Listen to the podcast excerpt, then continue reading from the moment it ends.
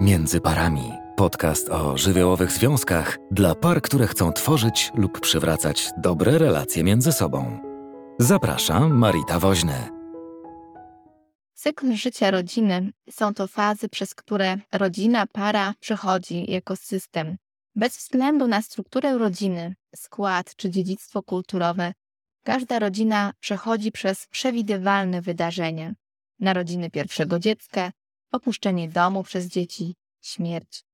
Członkowie rodziny, by móc przejść do następnego etapu, muszą wypełnić zadania z poprzedniej fazy rozwojowej, by możliwe było przystosowanie się do następnej. Przechodzenie do następnej fazy jest dla rodziny kryzysem. To są narodziny dziecka, pójście dziecka do żłobka, przedszkola, szkoły, wchodzenie dzieci w okres dojrzewania, a także wyprowadzka czy przeprowadzka, zmiany pracy, zmiana sytuacji ekonomicznej w rodzinie. Część zmian jest przez rodzinę planowana, część z nich występuje nagle i nieprzewidywalnie. Z tego podcastu dowiesz się, jakie fazy przechodzi związek w toku życia, czym jest faza narzeczeństwa, jakie jest największe niebezpieczeństwo tej fazy, które nierozwiązane trudności w tej fazie wpływają na dalszy rozwój związku i go niszczą. O czym rozmawiać, aby budować dobre fundamenty i uniknąć rozpadu związku? W czym może pomóc Ci poprzedni partner, partnerka Twojej drugiej połowy? Co kłótnie u teściów w domu mówią o Twoim przyszłym związku? Jak zapobiec temu, by teściowie nie stali się ważniejsi od Ciebie? Po czym poznać, że teściowa jest ważniejsza od ciebie? Czym jest zdrowe pożegnanie się z rodziną pochodzenia? Na które obszary zwrócić uwagę, jeśli narzeczeństwo to dla Was już odległy temat? Modeli etapów cyklu życia rodzinnego jest wiele.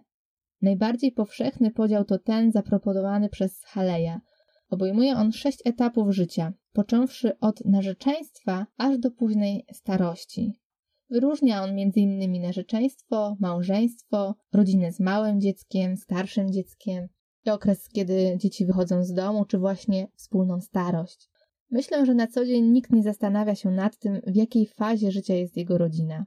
Może nawet nie masz o nich pojęcia, może potrzebujesz chwili stop do namysłu nad tym, jak Twój związek i rodzina, którą tworzysz, odnajduje się w kolejnych fazach. Ja skoncentruję się na omówieniu każdej z tych faz w najbliższych podcastach, by mieć punkt odniesienia i bazę do tego, by móc rozważyć, jak bardzo wpływa to wszystko na to, gdzie obecnie znajdujesz się ze swoją drugą połówką. Nawet jeśli wiesz już teraz, że narzeczeństwo to faza, która u ciebie dawno minęła, to i tak zachęcam Cię do przesłuchania tego podcastu i zobaczenia, które z rzeczy wtedy nie zostały zrobione, a nad którymi trzeba by było teraz popracować, jakoś do nich wrócić. Gdyby zadać sobie wiele pytań wcześniej i rozmawiać o tym na bieżąco, to ludzie prawdopodobnie mniej by się kłócili i rozwodzili. Zacznijmy od początku. Spotykacie się, zaręczacie, żyjecie chwilą, cieszycie się wspólnymi planami, pojawia się wizja ślubu i ewentualnych dzieci. Niewiele par rozmawia ze sobą o tym, co dalej. Nawet jeśli pewne kwestie są poruszane, to raczej powierzchownie. Najczęściej dlatego, że pytania, które trzeba sobie postawić, są trudne i nie zawsze sami znamy na nie odpowiedź, więc tym bardziej trudne jest to do rozważenia w parze. Najczęściej jest jednak tak, że nie zdajemy sobie sprawy z tego, że w ogóle jakieś pytanie powinniśmy sobie zadać. Żyjemy tak bardzo uniesieniami, wyobrażeniami jest nam tak cudownie, że nie myślimy nawet o tym, że w przyszłości może być inaczej. Przed parą narzeczeńską stoi wiele zadań rozwojowych. Młodzi ludzie, którzy decydują się na bycie razem, muszą nauczyć się tego kontaktu partnerskiego. Bycie z kimś oznacza pójście na kompromis, rezygnację ze swoich potrzeb, dbanie o siebie nawzajem, budowanie wspólnych wartości, rytuałów, tradycji, Ważnym aspektem dla prawidłowego stworzenia bliskiej relacji z partnerem jest świadomość własnych relacji z rodziną pochodzenia, z mamą, z tatą. Z jednej strony ważna jest separacja i nie mówimy tutaj tylko o fizycznym odcięciu się od rodziny, ale przede wszystkim emocjonalnym oddzieleniu się od rodziców. Wiele razy słyszę w gabinecie, gdy ktoś mówi: Jak tylko się przeprowadzimy na swoje mieszkanie, to się odetniemy i rodzice nie będą mieć na nas wpływu. To iluzja. Póki każdy nie upora się z wewnętrznym wpływem rodziców, który nosimy w sobie, bez względu na to, czy mieszkamy daleko, czy blisko, czy nasi rodzice żyją, czy też nie. Nosimy w sobie wewnętrzny obraz każdego z rodziców i to z nimi mamy czasem różne sprawy do załatwienia. Bardzo często obecność rodziców w relacjach małżeńskich jest przez pary niedostrzegana. Wolność od przodków jest nie w sensie emocjonalnego odrzucenia, lecz w sensie prawa do wyboru własnej drogi. Zwłaszcza na tym etapie, kiedy marzymy o pięknym, wspólnym życiu. To taki moment, kiedy może nawet imponuje nam to, jaką relację ma nasza druga połówka z rodzicami. Zwłaszcza jeśli sami nie mieliśmy zbyt bliskiej relacji z naszymi rodzicami. Może cenimy sobie to, że ktoś jest bardzo rodzinny, spędza wiele czasu z rodziną, rozmawia o wielu sprawach, dzieli się problemami, albo pomaga za każdym razem, kiedy ktoś tego potrzebuje. I chciałabym być dobrze zrozumiana. Tu nie chodzi o to, że tego ma nie być wcale. Bardziej chodzi o to, że to, co na początku nam imponowało, bo być może w naszej rodzinie nie było tak, że ludzie okazywali sobie wsparcie i dzielili się problemami, więc to, co na początku wydaje się bardzo atrakcyjne, z czasem może być właśnie zagrożeniem. Bo ktoś powie, ale co złego w tym, że kocham rodziców i mam z nimi dobrą relację? Chodzi raczej o wybór i ważność. Tworząc swoją rodzinę, to ona ma się stać tą najważniejszą.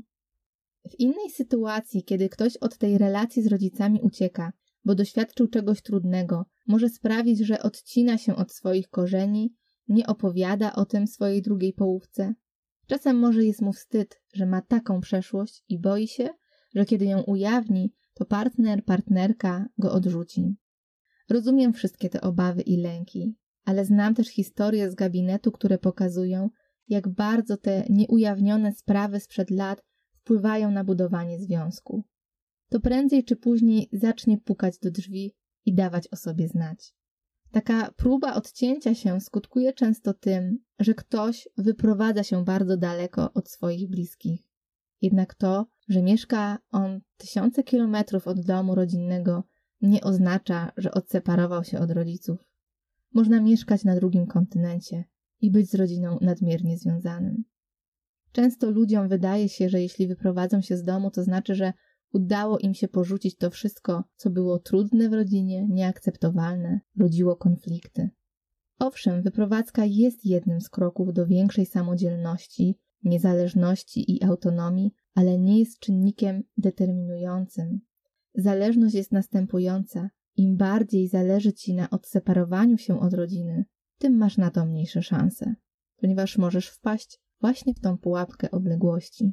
Bliżej jest być może wtedy do odcięcia emocjonalnego niż do zdrowej separacji. Odcięcie emocjonalne polega na takim dystansie fizycznym między członkami rodziny. Nie rozwiązuje to jednak problemu, przeciwnie, tworzy go ponownie. Niewątpliwie odcięcie emocjonalne może wydawać się dobrym rozwiązaniem, ponieważ z jednej strony redukuje lęk, co jest dużą gratyfikacją, z drugiej przynosi realną ulgę w postaci izolacji, wyobcowania się od siebie. Jest to nieudolna próba oszukania samych siebie, ponieważ separacja geograficzna, czyli odległość miast, bariera psychologiczna między członkami rodziny, a więc nieodzywanie się do siebie, zaprzestanie rozmów z rodzicami, kontaktu telefonicznego czy spotkań, nie zastąpi separacji emocjonalnej. Kiedy odetniemy się od naszej rodziny, jesteśmy bardziej podatni na wchodzenie w podobne relacje z innymi ludźmi. Czyli to, od czego uciekaliśmy, zaczynamy sobie sami fundować, wchodząc w kolejne relacje i nie znając swoich schematów. Zaczynamy więc tworzyć relacje, od których paradoksalnie uciekaliśmy. Gdy zaczynamy zauważać, że dzieje się podobnie, znów się dystansujemy i uciekamy. Tym samym tracimy kolejny kontakt, relacje. Jak możesz sprawdzić, czy jesteś emocjonalnie odseparowany od rodziny, czy to jest tylko Twoje złudzenie? Odpowiedz sobie na jedno pytanie: kto jest dla Ciebie ważniejszy? Rodzice, czyli mama, tata, czy Twój partner, partnerka, narzeczony, narzeczona, mąż, żona, Twoja druga połówka? Jest to bardzo trudne pytanie. Możliwe, że masz w głowie jedną z takich odpowiedzi. Ale jakie to ma znaczenie? Tego się nie da stwierdzić. Nie potrafię tego określić. Przecież nie muszę wybierać. Ważniejsi są dla mnie rodzice, partner, ale ważne jest dla mnie zdanie mamy, albo partner, ale ważne jest dla mnie zdanie taty. Ważniejszy jest dla mnie mąż, partner, ważniejsza jest dla mnie żona, partnerka. Wszystkie powyższe pytania pozwalają Tobie sprawdzić, do kogo jest Ci bliżej, i jeżeli na nie odpowiedziałeś tak, że sugerują, iż bliżej jest do rodziców, to jest to dla Ciebie sygnałem, że należy się nad tym zatrzymać i zastanowić, spróbować spojrzeć w głąb siebie, do swojej świadomości albo tego, co nie jest świadome i skrywane. Nawet ostatnie zdanie, ważniejszy jest dla mnie partner, partnerka, nie jest takie oczywiste, że tak jest. Czasem w gabinecie widzę, jak ten problem pojawia się, mimo iż ktoś na poziomie deklaracji mówi o tym, że partnerka czy partner są ważniejsi niż rodzice, ale w zachowaniu i w czynach raczej widać, że ten środek tej ważności jest bliżej jednak rodziny pochodzenia. Czasem bardzo chcemy, aby tak było, ale w swoich działaniach trudno nam trzymać stronę drugiej połówki i uznawać, że jej zdanie jest ważne, bronić jej, nawet jeśli nie zawsze postępuje słusznie, co zresztą można wyjaśnić sobie indywidualnie, przestać narzekać, skarżyć czy donosić na drugą połowę rodzinie. Jeśli trudno było Ci odpowiedzieć na pytanie o ważność członków rodziny, to na mojej stronie znajdziesz pytania bardziej szczegółowe, które mogą pomóc Ci określić, jak silne jest Twoje zaangażowanie, przywiązanie i lojalność wobec rodziców partnera czy partnerki. Podam kilka z tych pytań. Na przykład, do kogo zwracasz się z problemem? Do rodziców czy do drugiej połówki? Kto pierwszy dowiaduje się o Twoich sukcesach? Mama, tata czy Twoja druga połowa? Jeśli jest różnica zdań między Twoją mamą, tatą, a Twoją drugą połową, po czyjej stronie jesteś? Czy potrafisz być po stronie Twojej drugiej połowy, nawet jeśli wiesz, że ona nie ma racji? Kto potrafi wywrzeć na Ciebie większy wpływ, rodzice czy druga połowa? Jak często wracasz do domu rodzinnego? Czy wizyta urodziny jest ważniejsza niż Twoje plany z drugą połową? Do kogo masz większe zaufanie? Do rodziców czy do drugiej połowy? Jak bardzo jesteś w stanie postawić granice rodzicom w kwestii Twojego życia z drugą połową, kiedy ingerują w Wasz sposób spędzania czasu, pracę, miejsce zamieszkania, to czy mieszkacie razem czy osobno, częstość wizyt w domach rodzinnych, prowadzenie domu, sposobu wydawania pieniędzy, a w późniejszym etapie wychowywania dzieci. Na ile w tych aspektach jesteś w stanie powiedzieć rodzicom, to są sprawy moje i mojej partnerki czy mojego partnera? I ostatnie takie pytanie: czyje zdanie jest dla ciebie ważniejsze? Rodziców czy drugiej połówki? Dopiero gdy odpowiesz sobie szczerze na te pytania i okaże się, że w większości wybierasz rodziców, to ta świadomość, którą nabędziesz i przyznasz się do niej, jest pierwszym i najważniejszym krokiem do pełnej zmiany w kontekście separacji. Wielu ludzi ma z nią problem i większość ludzi nic z tym nie robi, a następnie ma z tego powodu trudności w swoich relacjach i w rodzinie, którą tworzy. Separacja jest najważniejszym elementem tej fazy, ale są także inne obszary, które mają znaczenie. Ale takich ważnych obszarów, nad którymi warto się zastanowić, jest znacznie więcej. Pierwszym z nich są konflikty i kryzysy. Zacznijmy od rodziny. Poznając drugiego człowieka i zamierzając wziąć z nim ślub, warto jest poznać jego rodzinę i to, jak w niej funkcjonuje. Otóż nie tylko pytaj o to, jaka jest mama, tata, jak sobie okazywali miłość, czy jak rozwiązywali trudności i konflikty, ale przede wszystkim bądź w ich domu, poczuj klimat, sprawdź, jak ci tam jest, jak jest twojej drugiej połowie. To pozwoli ci zobaczyć, z czym twoja druga połowa musiała się mierzyć albo w jakiej atmosferze musiała się wychowywać. To ważne, aby wiedzieć, jak w rodzinie są rozwiązywane konflikty. Czy członkowie rodziny się od siebie oddalają, czy po konfliktach potrafią ze sobą rozmawiać, czy kontakt jest urwany i nie ma relacji, czy w konfliktach ludzie się obrażają, poniżają, a może potrafią rozmawiać konstruktywnie i się godzić. W kwestii kryzysów ważne jest zobaczyć, jak rodzina radzi sobie z większymi kryzysami. Czy są w tym razem, czy ktoś unika odpowiedzialności. Obserwując te wszystkie rzeczy, zobaczysz, jakich wzorów relacji nauczyła się Twoja druga połowa. I te wzory pewnie z czasem pojawią się i w Waszej relacji. Ty masz swoje i Twoja druga połowa ma swoje wzory. Warto je poznawać, rozumieć, widzieć, zauważać, a potem tworzyć swoje własne w rodzinie, której tworzycie. Drugim obszarem są poprzednie związki. Inną kwestią jest poznanie historii wcześniejszych związków. Nie jestem zwolennikiem informowania się o każdych szczegółach, jakie miały miejsce w poprzednich relacjach, bo wtedy żyje się spokojniej, a nie jest to nikomu do niczego potrzebne. Całkowity jednak brak informacji na ten temat jest według mnie absolutnie niedopuszczalny. Uważam, że to ważne, aby wiedzieć, jak wyglądały poprzednie związki, kto je kończył i dlaczego, a także w jakich okolicznościach. Dobrze jest posłuchać, co druga połowa mówi o poprzedniej relacji, ponieważ część z tych rzeczy będzie nas czekać w przyszłości, choć może trochę w innym wydaniu. Niestety, to, co jest naszym błędem, to przyjmowanie perspektywy naszej drugiej połowy. Och, jak nam blisko wtedy do krytyki i obrażania poprzednich partnerek czy partnerów. Nie rozpędzajmy się z tym jednak tak bardzo i spójrzmy na te osoby przychylnym okiem.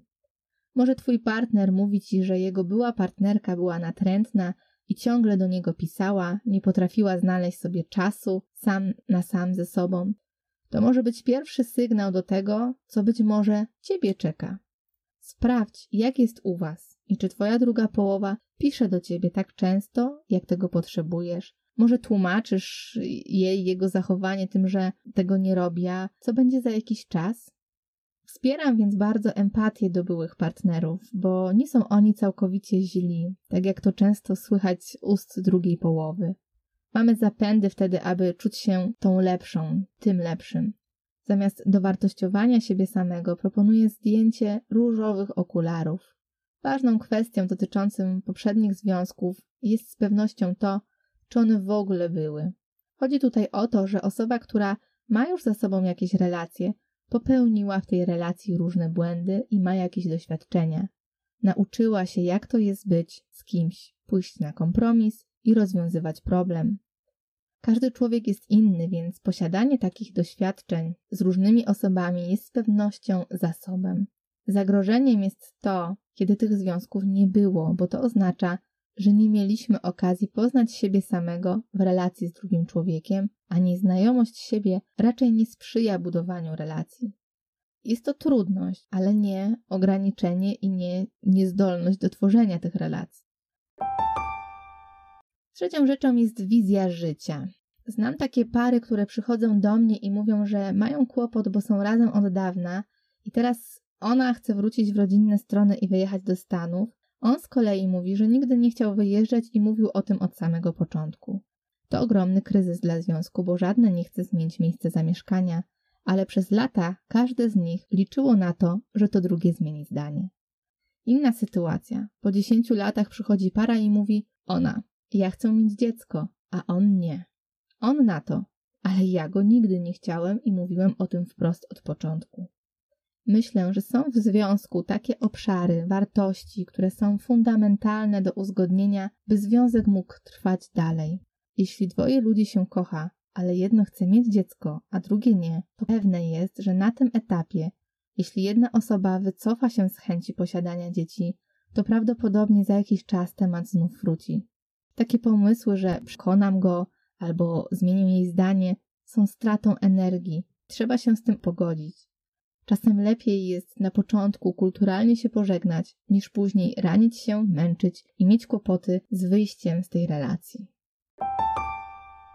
Czwartą rzeczą jest często takie zdanie: jak będzie ze mną, to się zmieni.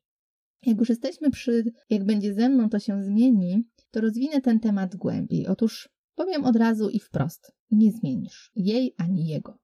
Taka wizja, że spotykamy mężczyznę, który nie jest idealny, ale jednak liczymy na to, że zmienimy go, bo jesteśmy tak wspaniałe, że swoim wspaniałym wpływem na drugą osobę możemy go zmieniać i dostosowywać do nas. No niestety, takiej mocy nie ma nikt z nas. Tekst Myślałam, że jak weźmiemy ślub, to będzie inaczej, jest tak częsty, że nie sposób pominąć tę kwestię w tej fazie. Otóż trzeba się pogodzić z tym, że nie mamy żadnego wpływu na drugiego człowieka i jeżeli on nie chce zmiany, to my nie będziemy ratownikami, osobami, które wyciągają kogoś z opresji, sprawiają, że nagle ten drugi człowiek staje się kimś zupełnie innym. Trzeba sobie to podarować od samego początku. Kolejna rzecz to dojrzałość emocjonalna i niedojrzałość.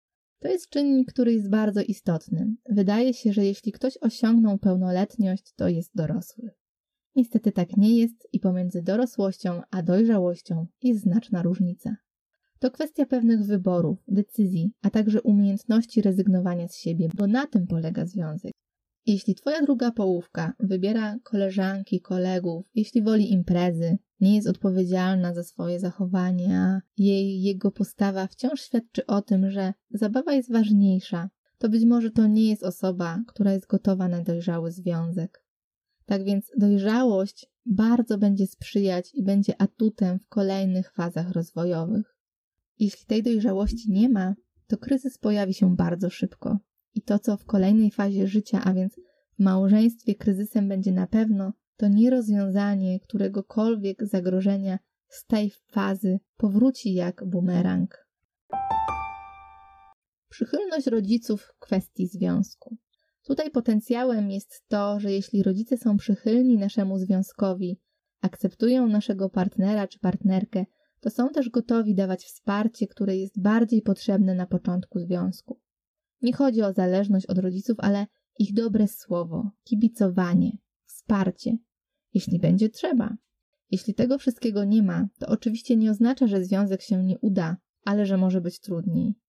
Znam takie pary, które nie miały przychylności rodziców i świetnie ich życie wygląda i są w tym razem, to ich wzmocniło, ale znam też takie pary, dla których to była tak duża trudność i częściej chyba jest tak, że to raczej dzieli, bo ludzie wchodzą wtedy w rywalizację: moja rodzina jest lepsza, a twoja gorsza.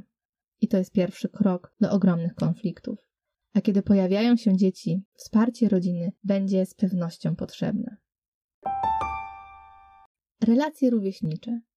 To jest bardzo ważny punkt. Jeśli ktoś posiada sieć znajomych, przyjaciół wokół siebie, to jest to ogromnym zasobem. Wbrew wszystkiemu, nie wszyscy ludzie posiadają ważne, bliskie relacje. Możemy mieć wielu znajomych, ale osób, do których naprawdę możemy się zwrócić po pomoc, jest niewiele. Zagrożenie tego, że nie mamy sieci kontaktów społecznych, jest to, że efektem tego jest realizowanie wszystkich potrzeb ze swoją drugą połową. To z drugą połową zaczynamy chcieć realizować wszystko, wszystko to, co normalnie moglibyśmy realizować z innymi ludźmi. To jest chociażby rozmowa, przyjaźń, zwierzanie się, spędzanie ze sobą czasu, dzielenie hobby, którego uwielbiamy. Tak? Nie wszystkie rzeczy musimy robić z drugą połową, a nawet nie jest to wskazane, bo robienie ze sobą wszystkiego razem powoduje, że znika namiętność, wkracza rutyna, brak jest przestrzeni między dwojgiem ludzi. Sprawia to, że pożądanie i sfera seksualna również słabną. Warto więc realizować swoje różne potrzeby z innymi bliskimi. Niezależność finansowa. Finanse to temat trudny, ponieważ na początku związku trudno mieć jakieś zabezpieczenia finansowe, no chyba, że ma się bogatych rodziców, ale zwykle tak nie jest i w tym aspekcie jest pod górkę. Młodzi ludzie, zaczynając swoje życie, często korzystają ze wsparcia rodziców, i tutaj uwaga, istnieje pewne zagrożenie, że to wsparcie tak może spodobać się którejś ze stron, albo stać się tak wygodne, że może odebrać gotowość pójścia samemu dalej, na przykład do pracy. Wielu ludzi przez wiele lat nie jest niezależnych finansowo od swoich rodziców, a to jest jeden z istotniejszych czynników mówiący o dojrzałości, samodzielności i separacji.